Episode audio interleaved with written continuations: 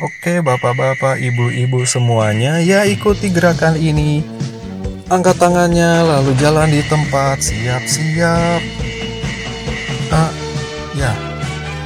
Kita senam. Satu, dua, tiga, empat, lima, enam. Eh, tunggu. Harusnya kita nggak senam dulu ya. Alfa Bicara Podcast, halo kamu semua. Bertemu lagi dengan saya di hari hari ya seperti biasa bingung hari apa karena nggak tahu postingnya ini kapan. Uh, ya bagaimana puasa hari ini bagi kamu yang sudah dan melakukan ibadah puasa masih lancar? Udah ada yang bolong belum? Kalau perempuan ya pasti udah ada yang bolong ya karena ya itulah ada siklusnya itu dan kalau yang laki-laki bagaimana? Apakah sudah bolong? Ya terserah kamu lah. Itu ibadah yang langsung buat ini, buat sang pencipta asik. Dan ya, kali ini kami mau bahas atau kita mau ngobrolin soal sesuatu yang penting. Kenapa bisa dibilang penting? Ya karena memang penting. bisa dibilang hal ini ini sangat uh, apa ya basic, sangat fundamental ya. Apa itu fundamental? Ya pokoknya sangat mendasari uh, sesuatu yang dilakukan uh, setelahnya atau ke depannya. Apa itu? Ini menurut saya ya. Ini adalah kepercayaan diri. Banyak banget dan saya pernah mengalami juga dan mungkin sampai saat ini naik turun kayak gitu. Naik turun. Kadang rasa percaya dirinya itu lagi naik, kadang juga lagi turun. Ya, namanya juga hidup manusia ya. Dan saya mau sedikit berbagi dan memberikan mungkin ada yang bermanfaat gitulah, tips-tips atau masukan buat kamu atau pengingat juga untuk saya. Ya. Bagaimana? Siap mendengarkan? Ah, siap nggak siap sih. Saya bakalan terus ngomong. Oh ya, terima kasih untuk yang sudah mengirimkan email, uh, melike uh, fanpage-nya di Facebook, lalu bercerita. Dan mohon maaf banget karena kemarin lagi kepotong ini sih karena lagi bulan puasa agak menyesuaikan waktunya agak susah. Dan ini harus ini sih harus upload. Mungkin udah berapa sih? Satu minggu atau belum ya? Saya agak lupa dan ya gitu deh gitu dan ya. Seringkali masalah kepercayaan diri ini muncul dari kita mungkin menyadari baru mungkin dari kecil dari masa anak-anak bisa jadi pas sudah remaja. Seperti yang kayak saya Seperti yang saya kutip dari beberapa artikel dan referensi lain, biasanya remaja itu sangat cenderung atau rentan sekali untuk menemui hal-hal atau benturan-benturan masalah. Ya karena usia-usia remaja itu usia-usia peralihan dari masa anak-anak ke dewasa. Ini usia sekolah menengah pertama, sekolah menengah atas dan mungkin awal-awal kuliah tuh ya masih ada. Ya karena dulu juga saya awal-awal masuk kuliah itu 16 tahun. Hitungannya kan masih remaja juga. Dan sering banget mengalami yang namanya itu nggak pede. Ah, kenapa ya? Ada sesuatu hal yang membuat kita itu merasa tidak percaya diri. Mungkin dari kemampuan fisik atau looknya. Tampilan kita kurang bikin kita pede atau kan gini loh uh, gini uh, sering kali di dunia ini ya di kehidupan sosial kita masyarakat kita membentuk suatu apa ya namanya model jadi kalau sesuatu harus dibilang tampan atau cantik itu modelnya harus seperti ini misalnya berkulit putih berpostur tegap 180 cm ke atas gitu atau bertubuh ramping atau bermata sipit seperti itu. Jadi terkadang ada beberapa orang yang mungkin termasuk saya juga yang tidak ini yang tidak termasuk dalam kategori itu tapi kepengen dibilang cakep gitu. Akhirnya nggak pede. Jadi ya, perkembangan dunia digital dengan kehadiran media sosial, tren baru serta ekspektasi dari lingkungan sekitar telah menciptakan tekanan dan standar baru bagi remaja di Indonesia. Hal ini nih merupakan fenomena yang mampu mempengaruhi perilaku dan sikap remaja Indonesia dalam melihat dirinya sendiri. Salah satu psikolog anak dan remaja, Mbak Vera Ita Biliana, mengungkapkan Indonesia sangatlah beragam. Remaja Indonesia memiliki warna kulit yang kondisinya beda-beda, lalu punya bakat dan minat ketertarikan dalam bidang tertentu juga beda-beda. Tapi sayangnya, keindahan dalam keberagaman itu mudah sekali untuk terganggu karena standar yang muncul di masyarakat itu beda-beda. Apalagi pengguna aktif media sosial adalah remaja, umur-umur rentang ya. Uh, seperti kita ini millennials. Terutama juga yang masih sangat rentan itu umur-umur usia ini usia remaja itu belasan tahun sekolah. Itu membuat uh, tekanan tersendiri jadi uh, remaja ini tidak percaya diri akan kemampuannya minat dan keputusan ataupun karir yang dipilihnya nanti Fenomena adanya tekanan dan tuntutan dari media sosial membuat remaja tidak percaya diri, merasa khawatir, resah. Akibatnya, mereka menahan diri untuk mereka menahan diri sehingga tidak bisa tampil sesuai dengan kemauan dirinya. Nah, kalau ke keinginan itu ketahan, mereka jadi nggak bisa menggali penuh potensi yang ada dalam diri mereka. Di penelitian dari Rowan University, mengenai pengaruh media sosial dan harga diri remaja dijelaskan dengan hasil fakta bahwa dari 130 responden, yaitu remaja yang aktif bermain media sosial, rata-rata akan merasakan resah jika mereka tidak mendapatkan respon sebanyak yang mereka harapkan. Kita kalau posting di Instagram biasanya kan ini notifikasi yang komen dan like itu kan muncul. Seringkali karena sudah terbiasa ada yang nge-like, teman teman kita yang namanya ini yang dari mana misalnya uh, sesama orang ini apa apa namanya eh, teman-teman sebaya gitu bisa nge-like terus akhirnya di suatu postingan nggak nge-like rasanya kita muncul ada keresahan. Kok dia nggak nge-like sih? Kok jumlah jumlah like saya cuma segini? Kok nggak ada yang komen sih? Gitu. Dan itu uh, muncul ini membuat remaja-remaja bahkan kita pun merasa tertekan secara nggak langsung dan mungkin secara nggak sadar. Hal ini terjadi karena rasa percaya diri remaja meningkat dari beberapa seberapa besar eksistensi dirinya dalam media sosial itu dan hal tersebut mempengaruhi harga diri dari para remaja tersebut. Keberagaman yang menimbulkan standar dalam dunia media sosial membuat remaja tidak mengenal dirinya sendiri. Padahal, menurut Mbak Vera tadi, mengenal diri sendiri itu penting, khususnya untuk remaja yang menuju proses pembentukan karakter diri. Hal yang seharusnya mereka pelajari adalah bahwa diri mereka sendirilah yang mengerti akan apa yang terbaik bagi diri mereka. Dan kepercayaan diri mampu membuat remaja meraih potensi diri dan menjadi versi terbaik dari dirinya sendiri dengan passion yang mereka sukai. Karena banyak sekali ya faktor. Waktu dulu saya sekolah, saya sangat merasa tidak percaya diri bahwa apa ya? Yang tadi satu, eh, zaman saya awal-awal sekolah SMP atau SMA itu belum ngetren namanya media sosial. Facebook itu baru kelas berapa ya? Kelas kelas 1 akhir atau kelas 2 awal gitu. Saya buat akun Facebook sendiri dan mungkin di situlah muncul bibit-bibit dari narsistik. narsistik saya gitu. Dan ya gitu, uh, semuanya saya jadiin teman, cari namanya siapa gitu, saya jadiin teman. Saya add, add, add, add, add. Lalu ketika posting selalu ngecek lagi. Waktu itu kan belum ada smartphone ya.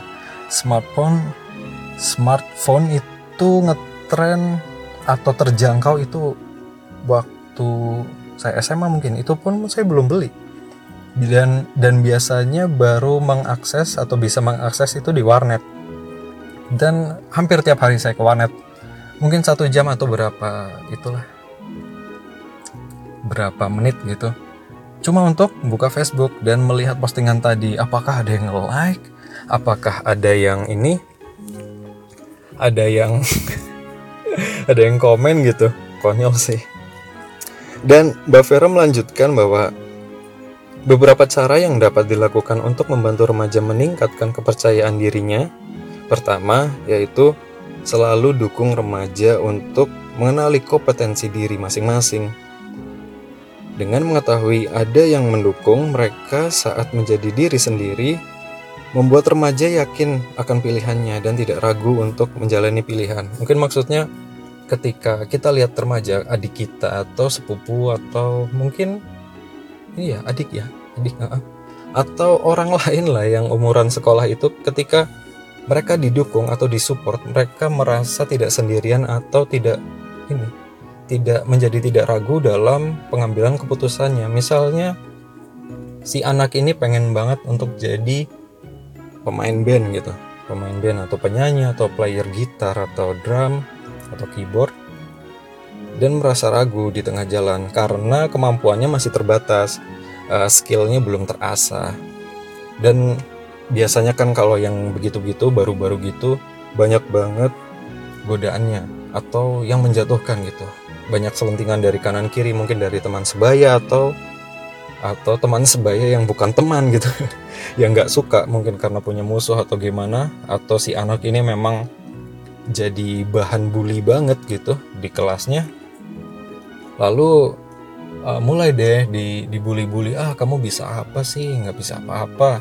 Dan ketika si anak itu merasa dibully atau merasa dipatahkan semangatnya untuk um, ketika memilih minat itu atau sesuatu hal yang dia ingin fokuskan dan dia karena dia sukai seketika itu tumbang karena biasanya dia merasa sendirian wah tidak ada yang mensupport saya.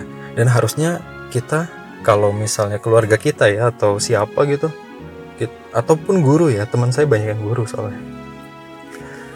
Um, memberikan support memberikan support uh, apa ya omongan omongan dan juga akses ya terutama akses. Mungkin harus dibantu didorong bukan cuma dibilangin tapi digandeng juga.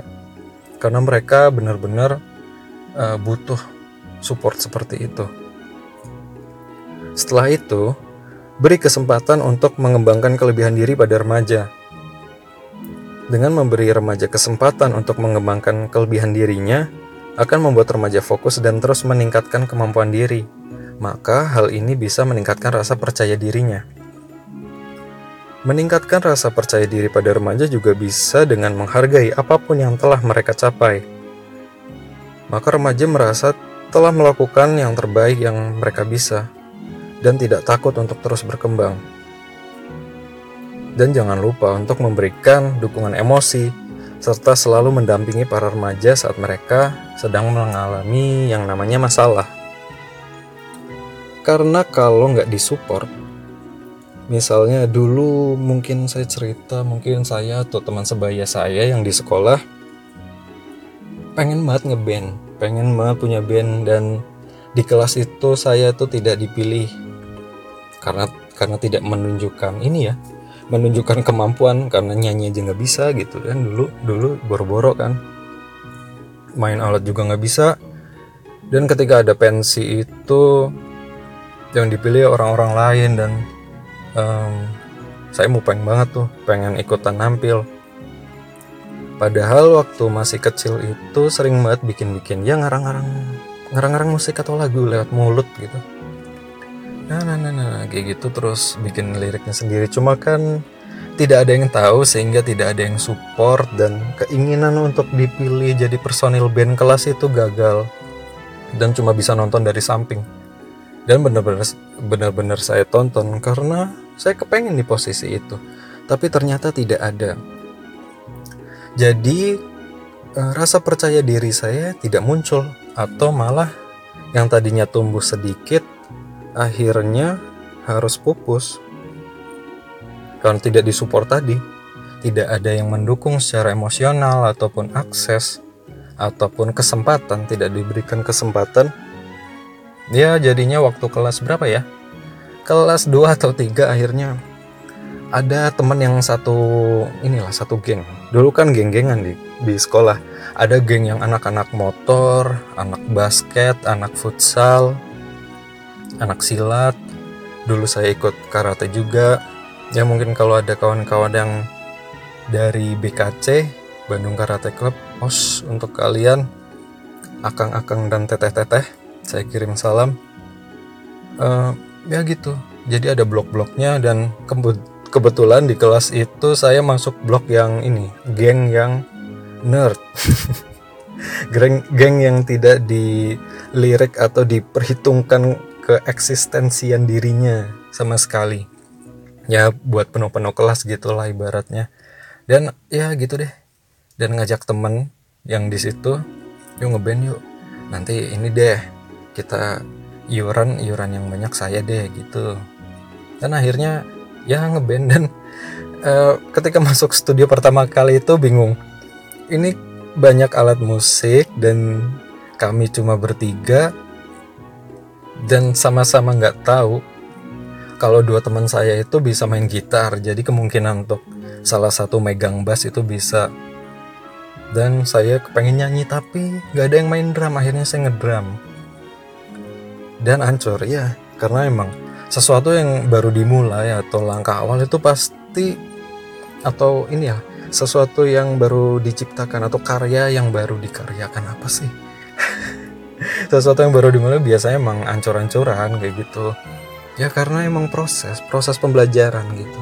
Makin sering ancur ancur ancur makin sering tapi terus karena percaya diri terus dilakukan terus mengimprove skill terus mengulik apa pun akhirnya ya berkembang kayak gitu. Ya memang penting sih. Um, ini bukan cuma soal remaja. Bisa jadi kita juga kadang ya merasakan ada yang nggak pede sih dari diri kita. Mungkin karena fisik. Ya fisik. Mungkin nggak putih nggak tampan. Dan percaya diri bukan cuma soal ini bukan cuma soal pemilihan ini pemilihan bukan pemilihan presiden ya itu udah lewat saya nggak mau bahas itu. Bukan pemilihan potensi diri kayak gitu bukan cuma itu tapi dalam hal aspek-aspek kehidupan yang lain seperti uh, bersosialisasi dengan masyarakat sekitar ke tetangga atau ke apa ya? Oh ya memilih jodoh itu juga kadang pede-pedean. Ada unsur pedenya di situ um, kita bisa suka sama siapa aja. Misalnya uh, sekelebat lewat kayak gitu. Wah cakep ya. Muncul rasa suka. Tapi ketika uh, ngepoin lebih lanjut lebih jauh ternyata ada sesuatu misalnya ini standarnya dia mungkin ketinggian kayak gitu. Dia mungkin uh, misalnya misalnya saya suka sama perempuan yang baru saya kenal kayak gitu. Baru ngobrol-ngobrol sebatas teman uh, rasa suka itu memunculkan rasa ingin tahu yang lebih. Lalu melihat dia nyari tahu ini rumahnya di mana dan uh, uh, dia posisinya di tatanan sosial itu di mana kayak gitu. Dan ternyata misalnya si doi ini ternyata anak orang kaya naiknya kendaraannya mobil semua kayak gitu. Atau kakaknya itu uh, seorang pejabat kayak gitu tentu itu membuat kita nggak pede. Saya pasti itu nggak pede. Wah saya ini cuma masyarakat biasa ini. Masyarakat kelas bawah aduh. Bukannya tidak mungkin dia berbalik suka gitu nggak mau bukannya nggak mungkin ya? Mungkin aja cuma mungkin karena udah kadung ada standar seperti itu dan liatnya udah ngeri duluan jadinya jatuh dan nggak pede. Akhirnya nggak dapat dapat pacar. Mungkin ya mungkin. Dan ya gitu bisa juga soal oh ya naik kendaraan juga bisa. Naik kendaraan. Banyak banget orang-orang yang beberapa contoh orang yang emang sebenarnya dia secara keahlian atau kemampuan itu uh, di bawah standar atau standar banget. Cuma berani mengambil resiko karena landasannya pede aja. Satu contoh dulu ada kenalan saya yang karena dia emang butuh buat uang butuh buat uang dan ternyata ada info untuk jadi driver untuk jadi driver mobil. Uh, bayarannya satu kali jalan berapa ya? 200 atau 300 ribu gitu. Dan dia itu tidak punya mobil. Kenalan saya itu tidak punya mobil dan nyetir pun kayaknya saya nggak pernah lihat. Mungkin satu kali dua kali pernah tapi udah lama kayak gitu rentang jarak waktunya udah lama dan nggak punya sim juga. Karena dia butuh banget dan bilang ke saya waduh gimana ya? Kayaknya butuh banget deh. Ya udah deh Bismillah aja deh pede aja. Pede aja. Dan diambil job itu sambil ini tanya-tanya yang bisa kayak gitu yang udah sering nyetir. Dan dia sikat aja. Ya alhamdulillahnya alhamdulillahnya dia masih hidup sampai sekarang. Ya karena modalnya pede aja. Ya udah sikat. Pede pede pede gitu. Sebenarnya tuh pede apa sih? Percaya diri itu apa sih? Bisa dibilang percaya diri itu suatu keyakinan seseorang terhadap segala aspek kelebihan yang dimiliki seseorang dan keyakinan tersebut membuatnya merasa mampu untuk bisa mencapai tujuan dalam hidupnya. Ya, gitu deh. Jadi emang sangat penting sekali. Sangat-sangat. Dan biasanya uh, mau tahu nggak ciri-ciri orang yang percaya diri? Pasti kan kamu tahu lah. Pasti tahu. Kalau nggak tahu, saya kasih tahu uh, biasanya orang-orang yang percaya diri atau PD-nya tinggi itu selalu merasa tenang di saat mengerjakan sesuatu. Lalu merasa punya potensi dan kemampuan yang memadai. Juga mampu menetralisir ketegangan yang muncul di dalam berbagai situasi. Itu sih susah sih. Saya yang uh, tumbuh berkembang lahir dari orang ya orang biasa dan sering banget sampai sekarang mungkin mengalami permasalahan dalam percaya diri atau interaksi sosial dengan masyarakat. Merasakan seperti itu. Kadang di tengah kerumunan itu muncul tiba-tiba kok tegang dan nggak pede. Seolah-olah kok ada yang salah sama penampilan saya atau look saya atau apa gitu yang buat kok uh, merinding atau apa ya keluar keringat dingin. Dan ini padahal padahal ya orang lain juga belum tentu juga ngeliatin saya. Tapi sering seperti itu. Lalu memiliki kondisi mental dan fisik yang cukup menunjang penampilan. Ini sih bonus ya.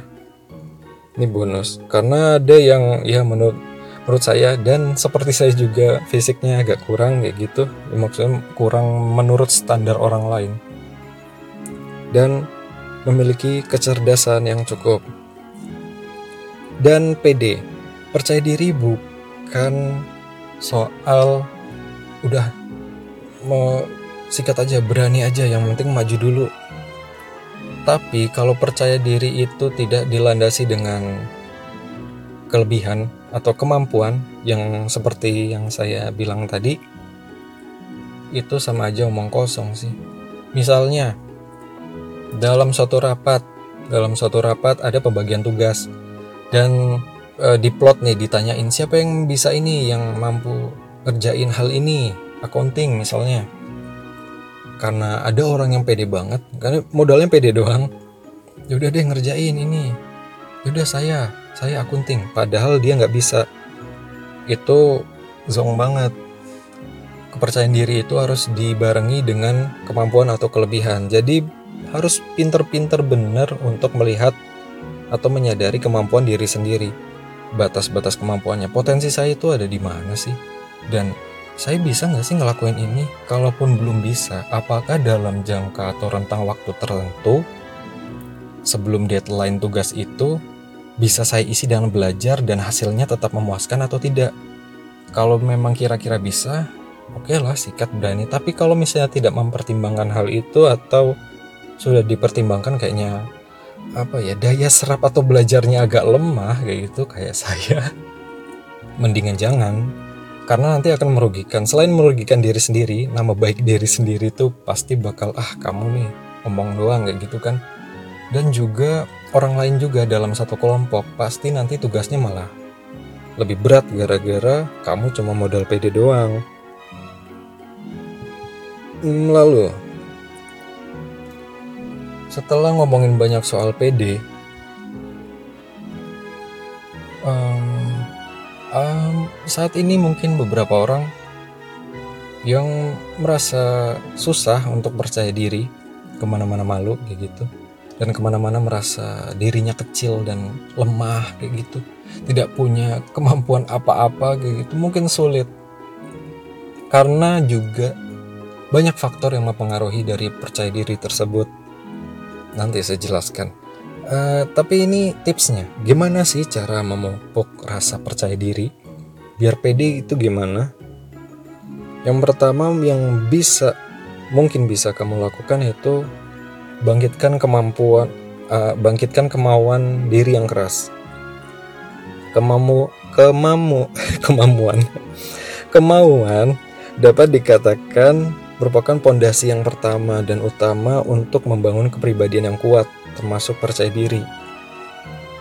Jadi saya pernah ada di suatu momen ketika manggung gitu.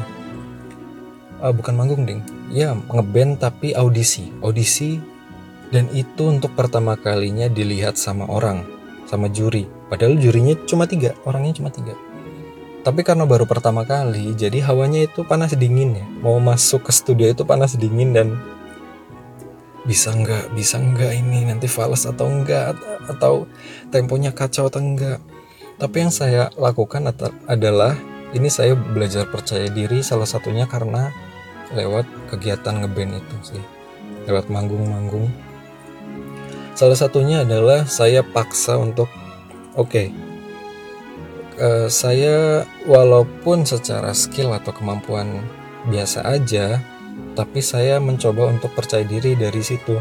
Oke, saya bisa ini kok, saya bisa kok, saya bisa main musik kok.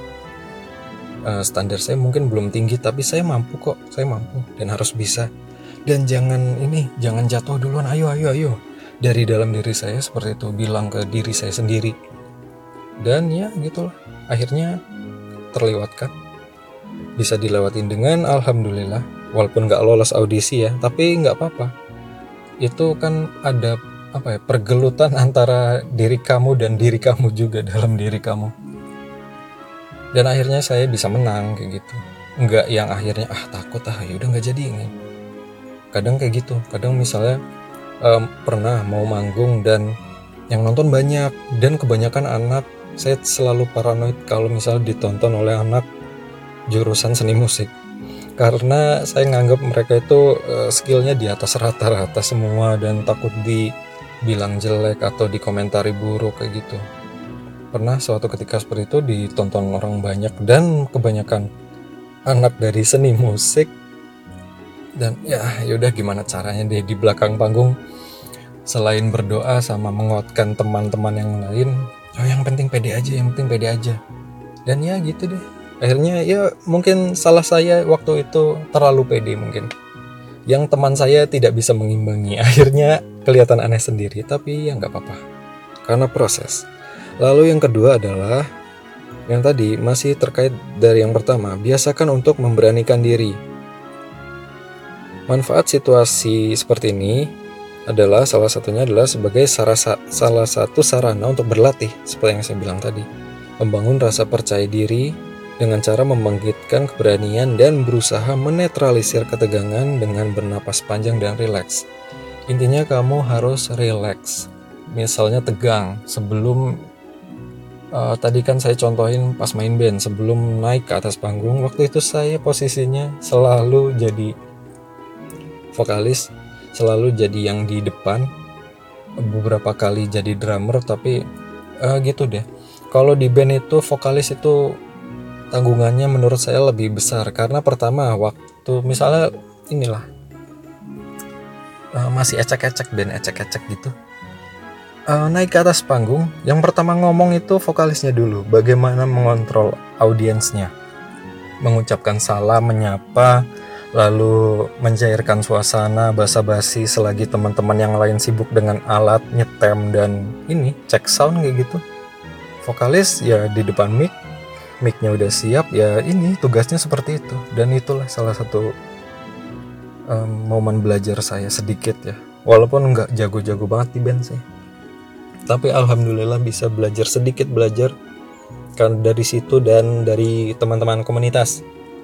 Eh, ngomong-ngomong komunitas saya uh, dulu aktif nggak aktif juga sih tapi uh, bisa dibilang sering kumpul waktu masih di Semarang.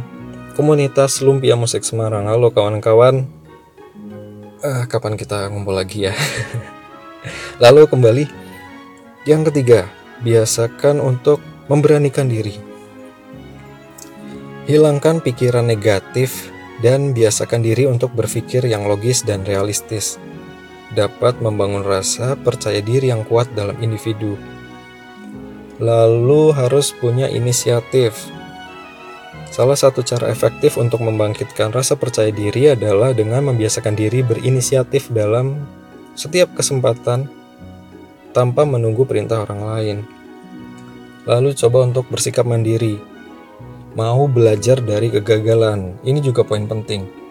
Kamu bisa melakukan apa saja dengan modal percaya diri, tapi kalau tidak dibarengi dengan kemampuan atau tidak dibarengi dengan apa ya menyadari potensi diri kamu itu masih seberapa sih atau kemampuan diri kamu masih seberapa itu dan biasanya kan tadi saya bilang hasilnya pasti yang pertama itu pasti uh, biasa aja atau berantakan. Kalau kamu tidak mau belajar dari kegala, ke, kegagalan uh, tidak mau belajar dari kegagalan dan uh, gitu-gitu aja nggak apa-apa nggak usah nggak usah belajar macam-macam. Yang penting pede aja itu sama aja buruk ya menurut saya. Sikap positif yang harus dilaksanakan dalam menghadapi kegagalan adalah sikap mental untuk menerima, untuk kemudian mengambil hikmah dan pelajaran, dan mengetahui faktor penyebab dari kegagalan tersebut.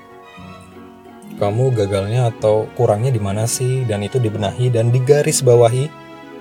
Kalau di kertas mungkin dikasih stabilo biar jadi apa uh, kelihatan gitu kontras oh ternyata saya uh, kurangnya di sini dan di situlah harus diimprove improve ya. dan tidak mudah menyerah. Dan membangun pendirian yang kuat. Ini masalah mental banget sih. Kamu harus uh, berlaga atau berlaku seperti kesatria gitu. Dan juga jangan lupa untuk bersikap kritis dan objektif. Untuk membangun rasa percaya diri yang kuat setiap orang harusnya selalu mengembangkan diri dengan sikap yang kritis dan objektif. Maksudnya bukan selalu ngeritik orang ya. Mungkin yang sepatutnya untuk dikritik justru dirimu sendiri. Berani untuk mengkritisi diri sendiri apa yang kurang. Dan objektif, jangan mentang-mentang diri sendiri atau emang keadaannya lagi seperti itu aja. Lalu ah nggak apa-apa deh, uh, bahasa Jawanya mungkin dialemi gitu, aleman gitu, dielus-elus gitu, harus ditempa sesuai dengan kapasitasmu saat itu sih. Jangan terlalu mematok standar yang tinggi atau terlalu keras. Nanti kamu yang ini sendiri, yang akhirnya kalah sendiri gitu. Jangan sampai. Kalau uh, sisi negatif dari tidak percaya diri itu ya gitu deh. Apa ya? Tidak memiliki sesuatu keinginan atau tujuan target yang ingin diperjuangkan secara sungguh-sungguh gitu. Jadi hidupnya terasa seperti flat tidak ada targetnya tidak ada apa ya gairah untuk mencapai sesuatu. Karena untuk mencapai titik ke depan gairah itu sangat penting. Eh, mirip-mirip orang apa ya? Lagi suka sama cewek uh, terus ada timbul motivasi ketika tiba-tiba jadi pede banget itu ngajak ngobrol lalu minta nomor teleponnya lalu tiba-tiba kok memberanikan diri. Tiba-tiba dia si anak ini berani membuat nelpon duluan SMS duluan dan datang ke kosan atau ke rumahnya itu. Ya seperti itu. Harus punya hasrat untuk seperti itu ada target dan tujuan yang harus dicapai. Lalu kalau orang nggak percaya diri ini bisa eh, bisa bingung dalam menentukan keputusan melangkah ke depannya, jadi ngambang gitu. Lalu mudah frustasi dan menyerah ketika menghadapi masalah atau kesulitan. Kurang termotivasi untuk maju, malas-malasan, setengah-setengah. Kalau mengerjakan sesuatu, canggung menghadapi orang. Kalau canggung menghadapi orang nih saya masih ini sih, masih sering merasakan karena entah uh, apa ya istilah istilah kerennya apa sih? Uh, as asosial atau antisosial saya nggak tahu sih. Uh, bingung. Ya mungkin saya termasuk orang yang seperti itu yang tidak terlalu suka buat di tempat keramaian ataupun kalau misalnya mau bebas bicara atau mengungkapkan pendapat biasanya ke orang yang sudah benar-benar kenal atau akrab kayak gitu. Ya bisa jadi ini faktornya ada berbagai macam faktor nih. Dan tidak bisa mendemonstrasikan kemampuan berbicara dan kemampuan mendengarkan yang meyakinkan. Sering memiliki harapan yang tidak realistis, lalu terlalu perfeksionis, dan terlalu sensitif Sebaiknya, orang yang mempunyai kepercayaan diri bagus, mereka memiliki perasaan positif pada dirinya, punya keyakinan yang kuat atas dirinya, dan punya pengetahuan akurat terhadap kemampuan yang dia miliki. Orang yang punya kepercayaan diri bagus bukan orang yang hanya merasa mampu, tetapi sebetulnya tidak mampu, melainkan adalah orang yang mengetahui bahwa dirinya mampu berdasarkan pengalaman dan perhitungannya. Jadi, emang PD itu harus dibarengi dengan kemampuan.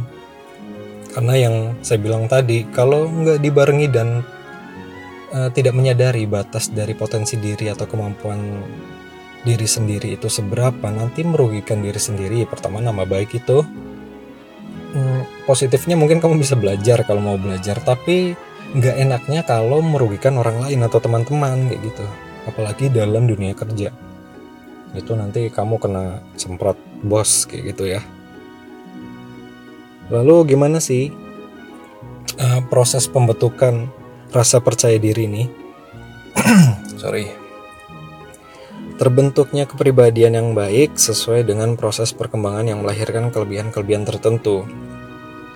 Pemahaman seseorang terhadap kelebihan-kelebihan yang dia miliki dan melahirkan keyakinan kuat untuk bisa berbuat segala sesuatu dengan memanfaatkan kelebihan-kelebihannya. Dan tadi uh, beberapa tipsnya bagaimana cara menumbuhkan percaya diri. Aduh sebentar, aduh kaki saya. saya lagi ada di mobil by the way, dan ini sudah mengembun, saudara-saudara. Uh, gimana sih cara membangun percaya diri? Yang paling penting nih, yang paling basic, cintailah dirimu, cintailah dirimu sendiri. Kalau nggak kamu, siapa kayak gitu. kalau bukan kamu dan keluargamu siapa lagi? Ayo. Kalau keluargamu enggak atau kamu nggak tahu keluargamu mencintaimu siapa lagi yang harus menyadari bahwa ada yang mencintaimu selain dirimu? Apa sih? Jadi ketika seseorang merasa harga dirinya rendah tentu hal itu akan berpengaruh terhadap emosinya. Jadi emosian. Seseorang yang rendah diri akan selalu merasa tidak puas terhadap dirinya sendiri tidak menerima apa yang ada dalam dirinya sendiri, tidak merasa nyaman dan bahagia. Kok aku banget sih? Hal ini akan menyebabkan rasa marah, benci terhadap diri sendiri, tidak menghormati diri sendiri, dan kadang-kadang secara tidak sadar menghukum diri sendiri. Sifat-sifat seperti itu dapat mengurangi keyakinan seseorang untuk mencoba sesuatu hal yang baru dalam hidup. Hal ini akan membuat seseorang sering menyalahkan diri sendiri, Akhirnya ia merasa tidak ada kebanggaan dalam dirinya dan menjadi tertekan. Akhirnya nanti malah depresi ya. Bahaya banget sih. Bahaya-bahaya. Lalu, yang kedua adalah hadapi dunia nyata. Seringkali kan ini, menurut saya, pendapat saya, media sosial itu dunia yang lain uh, bisa jadi dunia yang lain selain di dunia di dunia nyata. Di dunia nyata seperti ini di uh, media sosial seperti ini yang dicitrakan. Bisa jadi kan beda-beda. Seperti saya mm -mm.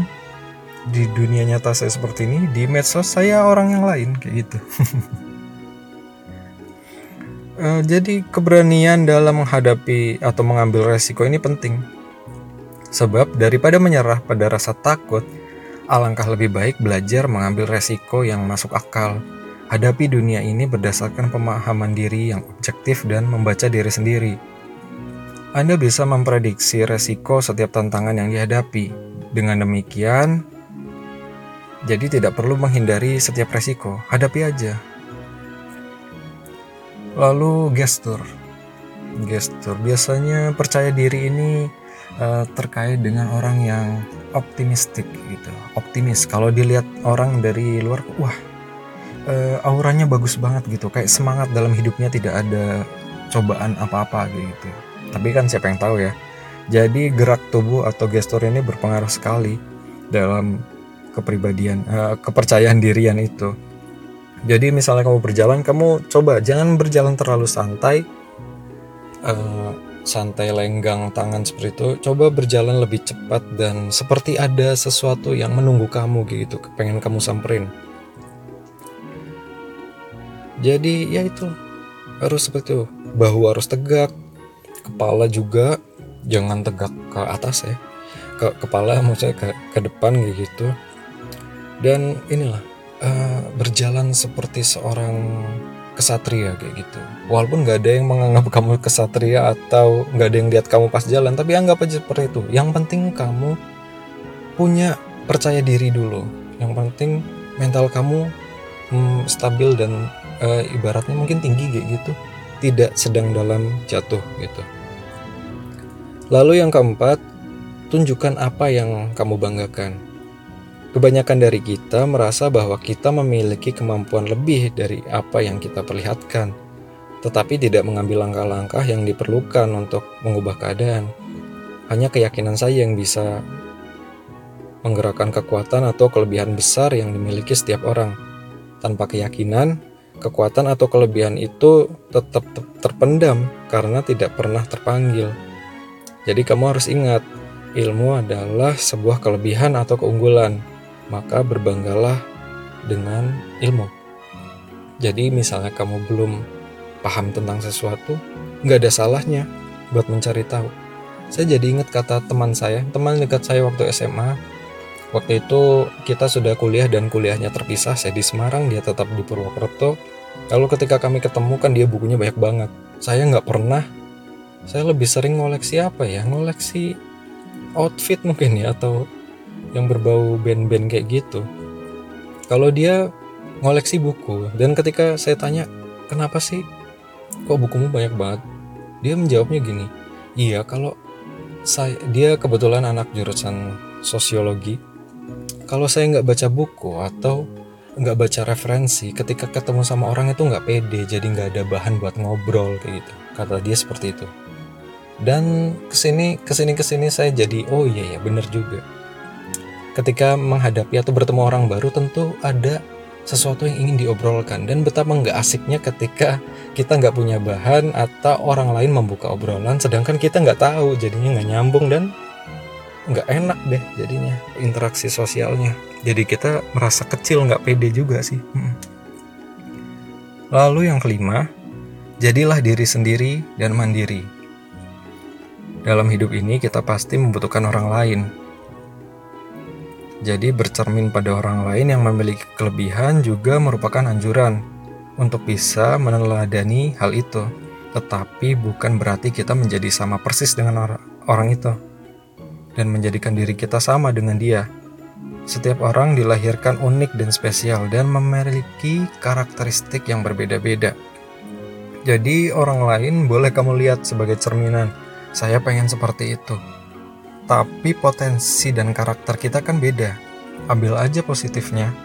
E, mungkin patokannya saya e, berapa tahun atau berapa bulan ingin di posisi itu.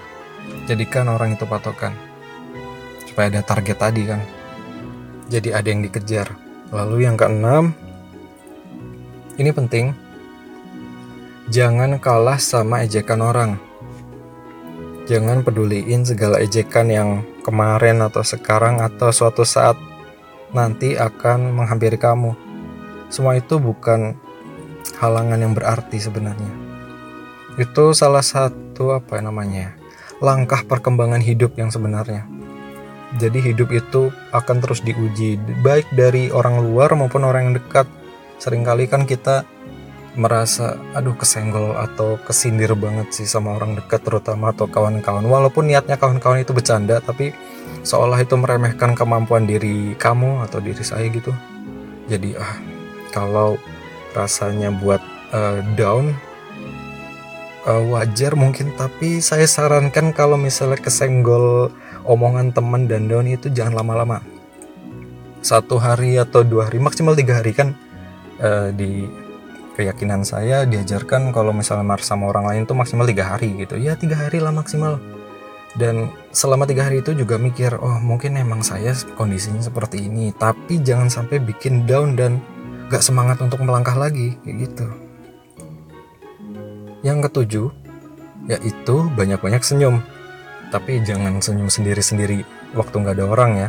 Maksudnya coba kamu bedain di misalnya siang pagi berangkat kerja sampai nanti jam 12 itu kamu tidak senyum. Pasang muka kaku dan cemberut gitu. Capek kan? Pasti itu urat-urat atau otot-otot muka itu rasanya capek banget dan moodnya itu terbawa uh, moodnya itu terbawa jadi nggak enak. Beda halnya dengan misalnya kamu senyum. Bukan senyum sendiri ya senyum sendiri nggak apa-apa sih terserah. Tapi nanti kalau dibilang gila ya itu sih. Pas ada orang maksudnya senyum uh, menyapa orang kayak gitu bersikap baik mencoba lebih apa ya humble dan nice gitu lah ke orang-orang itu secara nggak langsung moodnya terangkat positif. Jadi nggak ngapain jadi oke okay, saya siap menerima beban tugas ini kayak gitu. Jadi positif terus sih enak dan tidak capek dan di kepala itu tidak bikin pusing ya lalu yang kedelapan masuki lingkungan orang-orang yang percaya diri. Berteman dengan apa? berteman dengan tukang minyak wangi, uh, ikutan wangi, uh, berteman dengan seorang pandai besi, ikutan bau besi gitu apa bukan ya? Ya gitu deh. Jadi intinya uh, siapa temanmu itu memberi dampak bagimu. Kamu bisa dilihat dari siapa temanmu seperti itu. Jadi kalau kamu berteman dengan atau memasuki uh, kelompok yang isinya orang-orang percaya diri atau bersikap atau punya keahlian atau tabiat tertentu, ketika kamu masuk, kamu akan terbawa dengan itu. Dan dalam konteks ini, sebaiknya kamu masuki orang-orang yang punya rasa percaya diri tinggi dan berpikiran positif. Jadi ketika kamu masuk, auramu yang tadinya biasa aja atau gelap kayak gitu, kamu akan terbawa. Walaupun tidak menutup kemungkinan ya misalnya ada orang-orang tertentu yang memang auranya itu misalnya lagi gelap dan masuk ke uh, sekelompok orang tertentu malah bikin gelap semuanya. Itu ada. Tapi kamu masuk ke dalam kelompok orang berpikir positif dan percaya diri ini dengan niat untuk merubah dirimu untuk lebih positif lagi. Jadi nggak nyebarin penyakit tapi kamu ngilangin itu. Kayak gitu lalu jangan lupa Jangan berprasangka buruk. Jangan suzon. Suzon itu capek. Kalau kata Ustadz kayak gitu. Kalau nggak salah ya. Uh, berpikir negatif itu capek dan mempengaruhi kegiatan kita seharian. Mm -mm. Kalau berpikir negatif terus, hawanya suzon sama orang lain, capek boy. Lalu apa ya? Ya, yang ke sebelas, jangan lupa untuk minta pendapat orang lain jangan terlalu egois dan over pede, over percaya diri bahwa saya uh, berani gini-gini dan gak salah gitu. Jangan seperti itu. Tetap untuk humble, tetap uh, niatkan untuk belajar dan mengimprove kemampuan diri sendiri.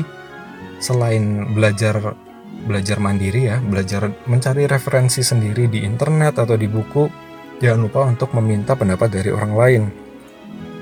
Orang lain di sini tentu saja orang yang biasanya berinteraksi dengan kita atau melihat kita. Jadi tahu orang ini nih tahu seberapa besar perkembangan kita, uh, mungkin kemampuan kita gitu, apa perbedaannya mereka tahu.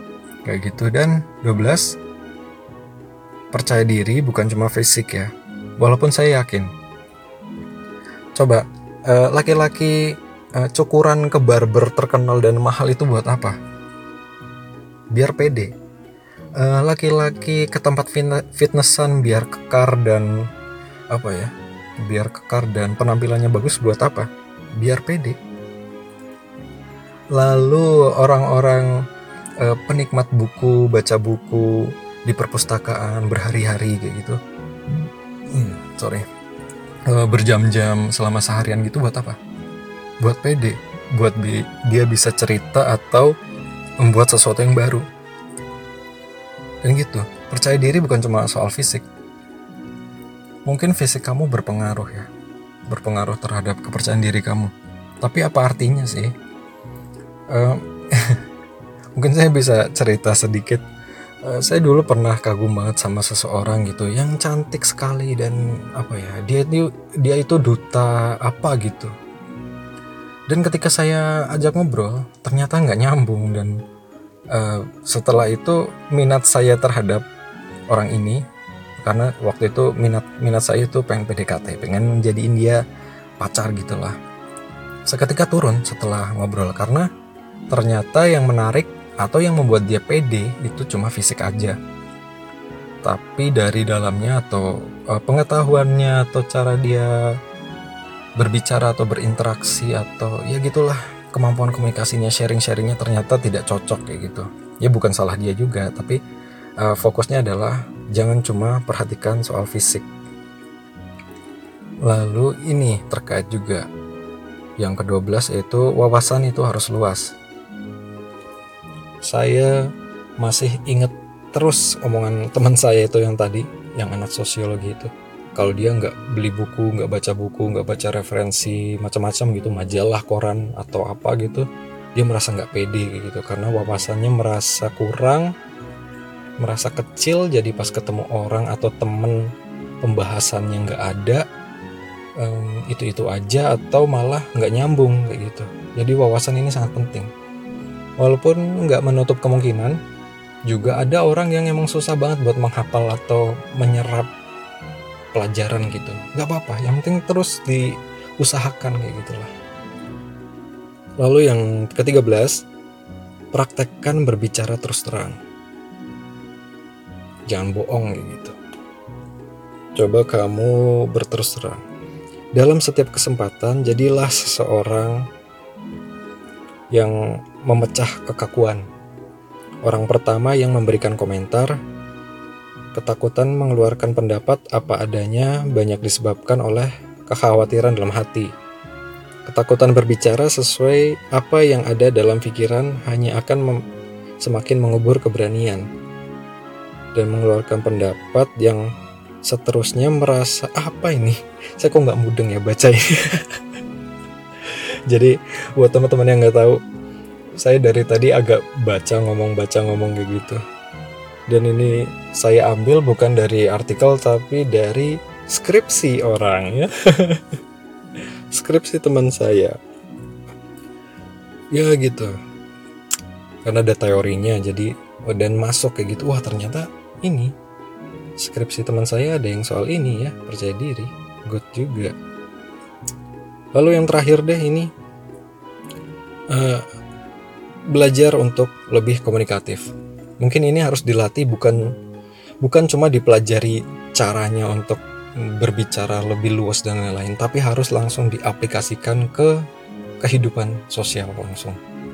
Banyak-banyak kumpul sama orang, banyak-banyak cari komunitas, berinteraksi, itu bisa bikin luas. Saya dulu orangnya kaku banget, wah, ya ini teman saya itu udah lama nggak ketemu dan bilang kamu nih kan uh, saya godain cariin jodoh dong wah kamu ini ini sih susahnya ini kamu terlalu kaku gitu. Emang dulu saya terlalu kaku sih. Sekarang masih kaku cuma agak elastis dikit. Agak ya, ya bisa kaku bisa enggak gitu dah tapi masih diusahakan terus agar tetap luas karena emang nggak enak sih sebenarnya jadi orang kaku. Karena emang uh, pendirian eh kepribadian itu emang bawaan sih.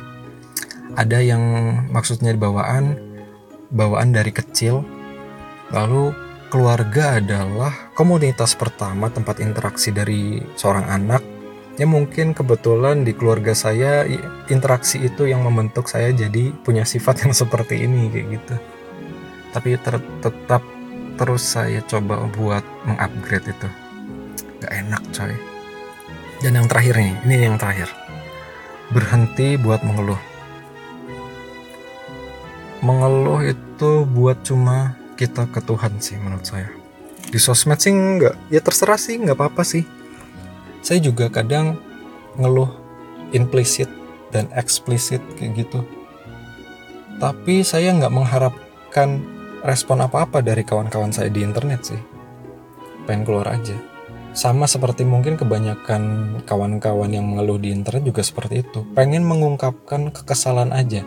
Karena di dunia nyata tidak ada wadahnya kayak gitu. Tidak merasa ada wadah yang pas sehingga ah di internet aja dah.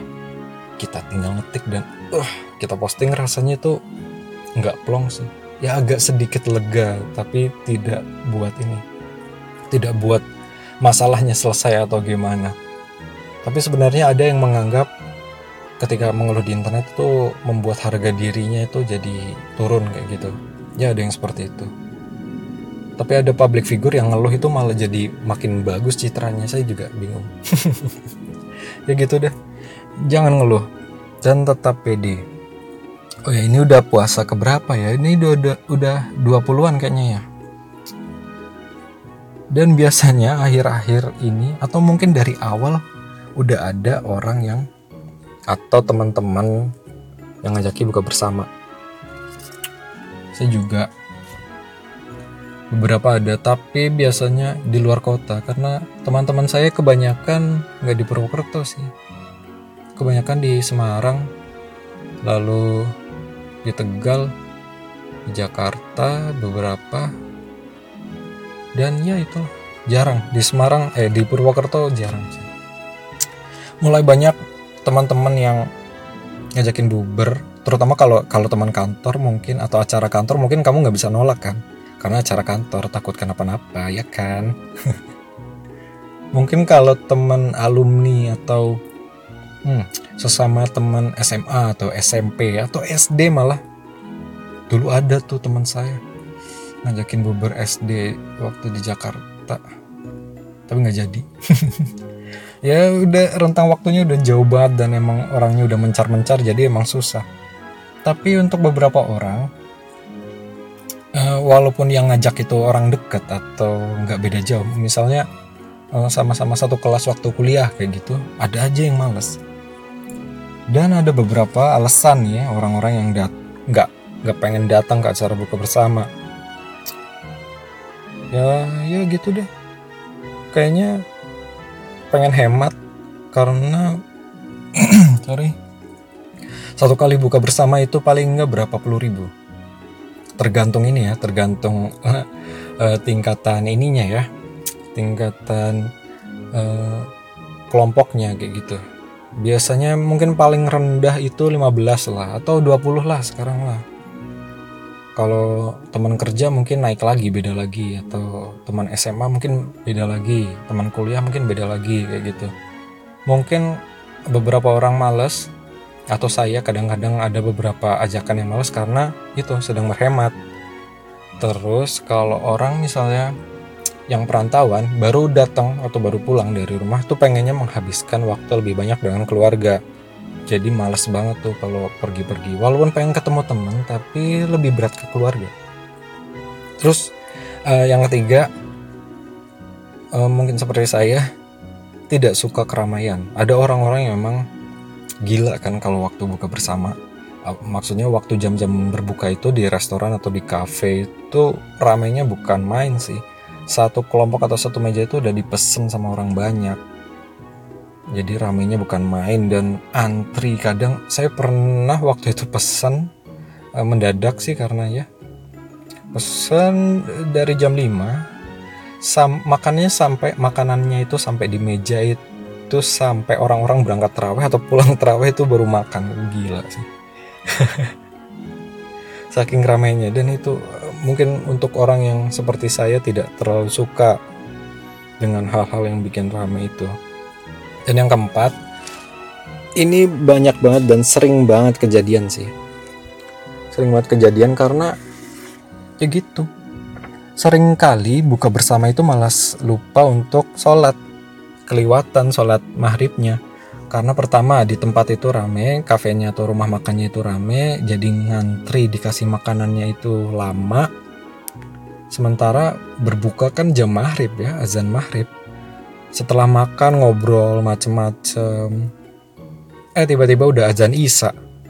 Enggak ini enggak kesempatan buat sholat maghrib malah. Dan kadang juga buka bersama itu bikin beberapa sih nggak semuanya ya. Saya nggak bilang semuanya. Beberapa itu malah bikin kita menghindarkan kita dari ibadah. Walaupun nggak wajib seperti teraweh kan nggak wajib kan. Malah bikin kita nggak teraweh nggak sholat teraweh lalu kebanyakan ngobrol ngalur ngidul. Yang nggak ada hubungannya sama Ramadan gitu. Sedangkan beberapa orang pengen fokus di ibadah Ramadan. Apalagi di waktu-waktu terakhir ini udah ke 20-an sampai 10 harian lagi atau satu mingguan lagi itu pengen fokus mencari enaknya ibadah buat bulan puasa gitu. Lalu yang kelima mungkin emang acaranya bosenin. Kayak hmm, uh, apa ya? Alumni apa kayak gitu atau apalah. Seringkali buka bersama acaranya gitu-gitu aja apalagi untuk teman-teman lama yang udah yang udah ini udah lama nggak ketemu dan rentangnya jauh banget. Yang nyebelin adalah acara udah bosenin dan di sana itu sebenarnya cuma jadi ajang pamer kekayaan aja. Kekayaan dan status status sosial kayak gitulah. Uh, udah kerja di mana? Sekarang apa? Bisnis apa sekarang? Bisnis apa atau uh, mobilmu sekarang apa? Gitu. Uh, sekolah lagi nggak? Gitu. Sebenarnya nggak apa-apa sih. Ada orang yang emang nggak sadar karena emang terbiasa seperti itu basa-basi seperti itu atau diajak basa-basi oleh orang lain seperti itu. Tapi untuk beberapa orang juga ada yang um, sensitif dan tersinggung kayak gitu. Yang mungkin nasibnya nggak sebagus orang atau teman-teman lain kayak gitu. Jadi males bikin apa ikutan bukber buka barang itu gara-gara ya gitu. Jadi ajang pamer-pamer aja. Dan sering banget akhirnya jadi kelompok gosip di situ. Habis bu habis puasa buka nggak sholat dan gosip. Gosipin biasanya guru-guru atau teman-teman lama yang udah nggak ketemu dan ada undangan yang nggak ketemu kayak gitu. Akhirnya diobrolin eh dia ini nggak ikut kan gara-gara ini nih dia kan sekarang kayak gini nih kayak gitu. Akhirnya kita menggosip di situ. Dan yang ini sih yang nyebelin sih ini beberapa teman emang nggak nggak bisa dipaksa untuk akrab semua ya. Jadi emang nggak ter nggak terlalu akrab secara emosional jadi minat buat berangkat ke sana itu agak males. Dan yang terakhir ya emang males kayak gitu. Dan itu nggak masalah. Kalau emang tidak ada kaitannya dengan pekerjaan ya atau karir. Eh, nggak berangkat bukber itu nggak masalah. Bisa buka sendiri atau sama keluarga. Yang penting tuh sama keluarga. Keluarga adalah nomor satu ya. Mm -mm. dan udahlah. Saya sudah serak ternyata. Ini sudah satu jam ternyata ya Allah. Dan ya semoga puasanya lancar saya nggak tahu sih kapan mau upload lagi. Kalaupun nggak upload mungkin ini ini terakhir di bulan puasa sih nggak tahu juga. Mungkin saya pengen upload lagi sih tapi nanti nunggu nunggu kondisinya agak enakan sama ada beberapa hal serius yang pengen saya omongin. Karena saya bikin podcast sebenarnya nggak pengen bahas yang serius-serius tapi um, kelihatan goblok ya. Tapi nggak apa-apa sih. Nggak harus yang serius kan? Nggak harus yang serius kan dan pengen juga ngajak temen kemarin tuh udah ketemu. Tapi nggak nemu tempat yang pas kayak gitu. Buat ngobrolin. Karena kalau kalau kalau di luar itu berisiknya bukan main sih. Jadi males. Ya gitu deh. Ya semoga puasa kamu lancar. Tetap sehat tetap jaga kesehatan. Jangan lupa berbagi mumpung ini bulan suci. Hmm, silakan ikut bukber terserah. Tapi uh, di poin-poin terakhir tadi itu tolong diperhatikan ya. Kalau sholat ya tetap sholat bagian sholat ya. Maksudnya bagi yang seagama. Uh, bukber kan kadang yang lain agama kan bisa ikut juga. Tetap sholat gitu kalau teraweh kan gak wajib tapi lebih baik kalau teraweh dan hindari gosip hindari apa artinya kan uh, siang-siangnya udah puasa dan pas buka malah gosip lagi bergibah tapi kalau kelepasan ya nggak apa-apa deng. Kalau berani bilang sama orang yang digibahin eh tadi kita habis ngomongin kamu gitu. Itu nggak masalah sih. Kalau udah akrab masa iya marah? Marah kalau nggak akrab berarti. Dan apa ya? Dan ya udah lah gitu. Semoga hari kamu menyenangkan.